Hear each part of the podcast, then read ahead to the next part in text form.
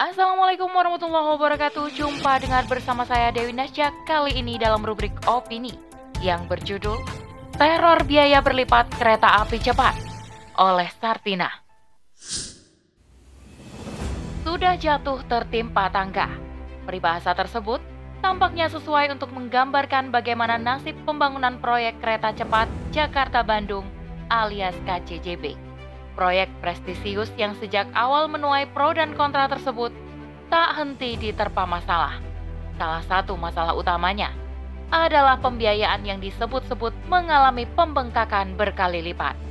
KCJB yang merupakan salah satu proyek strategis nasional adalah proyek investasi antara konsorsium Indonesia dan Cina melalui PT Kereta Cepat Indonesia Cina atau KCIC. Proyek tersebut didanai oleh pinjaman dari China Development Bank. Proyek yang sejak awal digadang-gadang tidak akan menyedot APBN dan hanya menjadi proyek bisnis to bisnis, justru meleset dari perkiraan. Bahkan, KCJB sampai disebut sebagai proyek kecebong, alias kereta cepat bohong-bohongan, oleh politikus Partai Demokrat Roy Suryo. Lantaran tak menunjukkan progres signifikan setelah hampir dua tahun groundbreaking.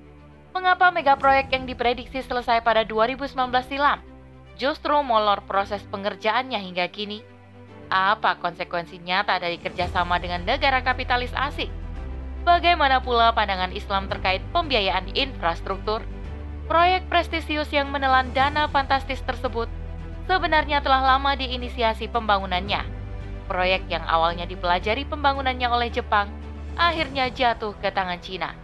Mirisnya, Proyek yang awalnya disepakati selesai pada 2019, kemudian molor menjadi tahun 2022, dan belakangan molor kembali hingga 2023. Molornya pengerjaan tersebut pun membuat biaya membengkak bahkan hingga tiga kali lipat. Proyek KJB awalnya diestimasikan hanya menghabiskan biaya sekitar 5 miliar US dollar, kemudian membengkak menjadi 5,8 miliar hingga melonjak lagi menjadi 6,07 miliar US dollar dengan target pembangunan selesai pada 2019. Pada perkembangan terbaru, proyek tersebut diprediksi kembali terjadi pembengkakan sebesar 1,176 hingga 1,9 miliar rupiah menjadi maksimal 7,97 miliar US dollar. Bahkan, Juru bicara Kementerian Koordinator atau Kemenko Perekonomian Alia Karenina menyebut bahwa biaya proyek KCJB diperkirakan akan mengalami pembengkakan hingga 16,8 triliun US dollar. Terkait membengkaknya dana pembangunan KCJB tersebut, Direktur Utama PT Kereta Cepat Indonesia Cina atau KCIC, Dwi Yana Slamet, mengatakan bahwa terdapat beberapa faktor yang disebut menjadi pemicu. Di antaranya, Pertama, adanya rencana integrasi moda kereta cepat dengan transportasi lainnya seperti LRT Jabodetabek. Hal itu dinilai turut memicu terjadinya pembengkakan biaya. Dwiana mengatakan, awalnya tidak ada niat membangun stasiun integrasi kereta cepat dengan moda lain. Namun dalam perjalanannya, pemerintah dan KCIC merasa perlu membangun stasiun integrasi lain. Pembangunan tersebut mengakibatkan terjadinya cost overrun alias pembengkakan biaya. Kedua, adanya penambahan biaya investasi dalam rangka penggunaan jaringan telekomunikasi khusus demi kelancaran perjalanan, kenyamanan, dan keamanan dalam menggunakan kereta api atau GSMR. Ketiga, adanya kondisi geologis yang turut menghambat paket proyek terowongan sepanjang 1050 meter. Proyek terowongan tersebut dibangun di tanah lempung sehingga mengurangi daya dukung tanah sampai 80 persen. Keempat, adanya pengadaan lahan dan relokasi. Proses tersebut menghabiskan porsi cukup besar yang membuat biaya membengkak sekaligus waktu pembangunan juga ditengarai terus naiknya harga lahan. Presiden Joko Widodo pernah menyatakan bahwa proyek kereta cepat Jakarta-Bandung tidak akan dibiayai oleh APBN. Proyek tersebut murni menggunakan dana investasi dan pinjaman tanpa jaminan pemerintah. Pernyataan tersebut diungkapkan Jokowi di lokasi groundbreaking saat peresmian proyek kereta api cepat Jakarta-Bandung pada 2016 lalu. Sayangnya, dalam proses pengerjaannya, ternyata tidak berjalan sesuai ekspektasi. Biaya pembangunan membengkak berlipat-lipat. hingga pihak Cina pun meminta pemerintah menambal pembengkakan tersebut. Demi melegalkan pengucuran dana dari APBN untuk proyek KCJB, pada Oktober 2021 lalu, Presiden Jokowi menekan peraturan Presiden nomor 93 tahun 2021 tentang perubahan atas Perpres nomor 107 tahun 2015 tentang percepatan penyelenggaraan sarana dan prasarana kereta cepat Jakarta dan Bandung.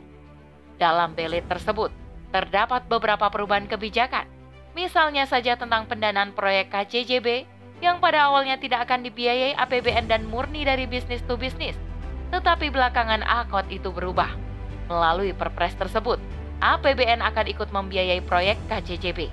Meski permintaan untuk ikut menambal biaya proyek tersebut masih dibahas hingga kini, tetapi jika dalam pembahasannya dianggap wajar, niscaya pemerintah akan menyetujuinya.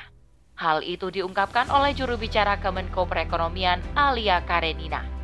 Padahal, jika menengok kondisi keuangan negara yang sangat terbatas, biaya pembekakan tersebut akan sangat membebani APBN. Dalam kondisi minimnya daya dukung APBN, pemerintah seharusnya bisa lebih bijak mengalokasikan semua sumber daya dengan adil dan efisien. Jangan sampai hanya demi prestis, negara akan terjebak pada proyek mercusuar, sedangkan kebutuhan mendasar masyarakat tidak terpenuhi. Karut-marutnya pembangunan KCJB justru menunjukkan tidak profesionalnya perencanaan proyek dan estimasi biaya pemerintah dan BUMN. Tahun demi tahun kerjasama Indonesia dengan negara-negara asing semakin besar, namun keuntungannya justru tidak pernah dirasakan oleh rakyat. Meskipun ada secuil keuntungan yang diperoleh negara, tetapi sejatinya bahaya atau mudaratnya lebih besar terutama bagi rakyat dan kedaulatan negara. Sebab, secara filosofis ekonomi, kapitalisme merupakan alat penjajahan ekonomi.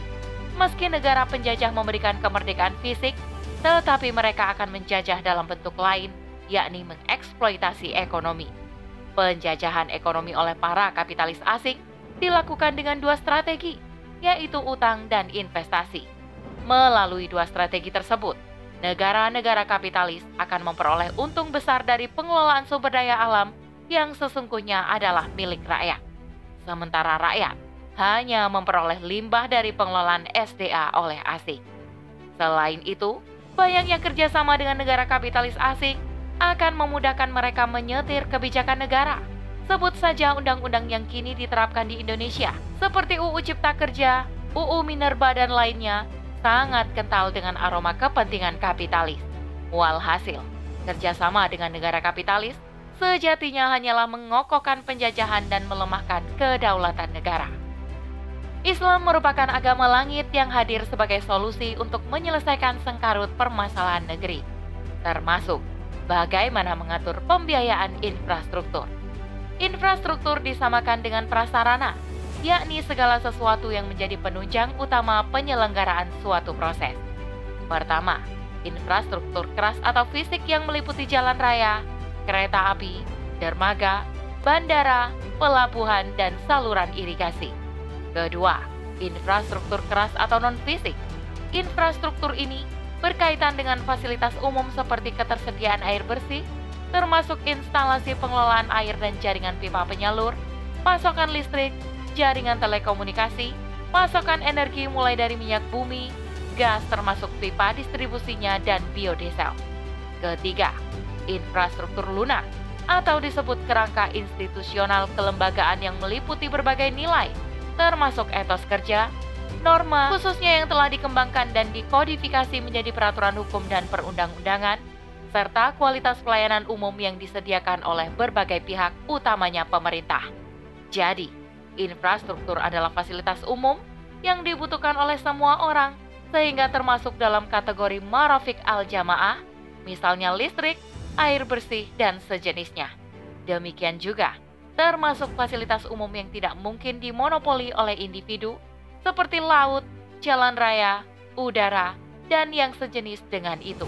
Karena merupakan fasilitas umum, maka negara wajib menyediakannya dan rakyat pun dapat secara gratis menggunakannya.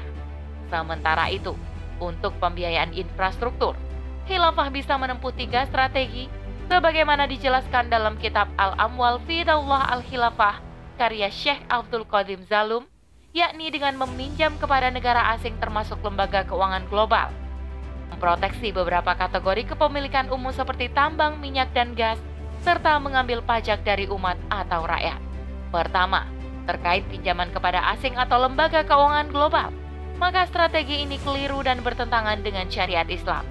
Sebab, utang kepada negara atau lembaga keuangan asing pastilah berbunga atau disertai syarat-syarat tertentu yang mengikat. Persyaratan tersebut justru akan membuat negara semakin terjerat. Pada saat itulah negara asing akan memiliki celah untuk mendikte khilafah. Karenanya, khilafah tidak boleh memilih strategi ini untuk membiayai pembangunan infrastruktur. Sebab Islam secara tegas mengharamkan utang yang disertai bunga sebagaimana tercantum dalam Al-Quran Surah Al-Baqarah ayat 278. Bertakwalah kepada Allah dan tinggalkanlah sisa riba jika kamu orang yang beriman.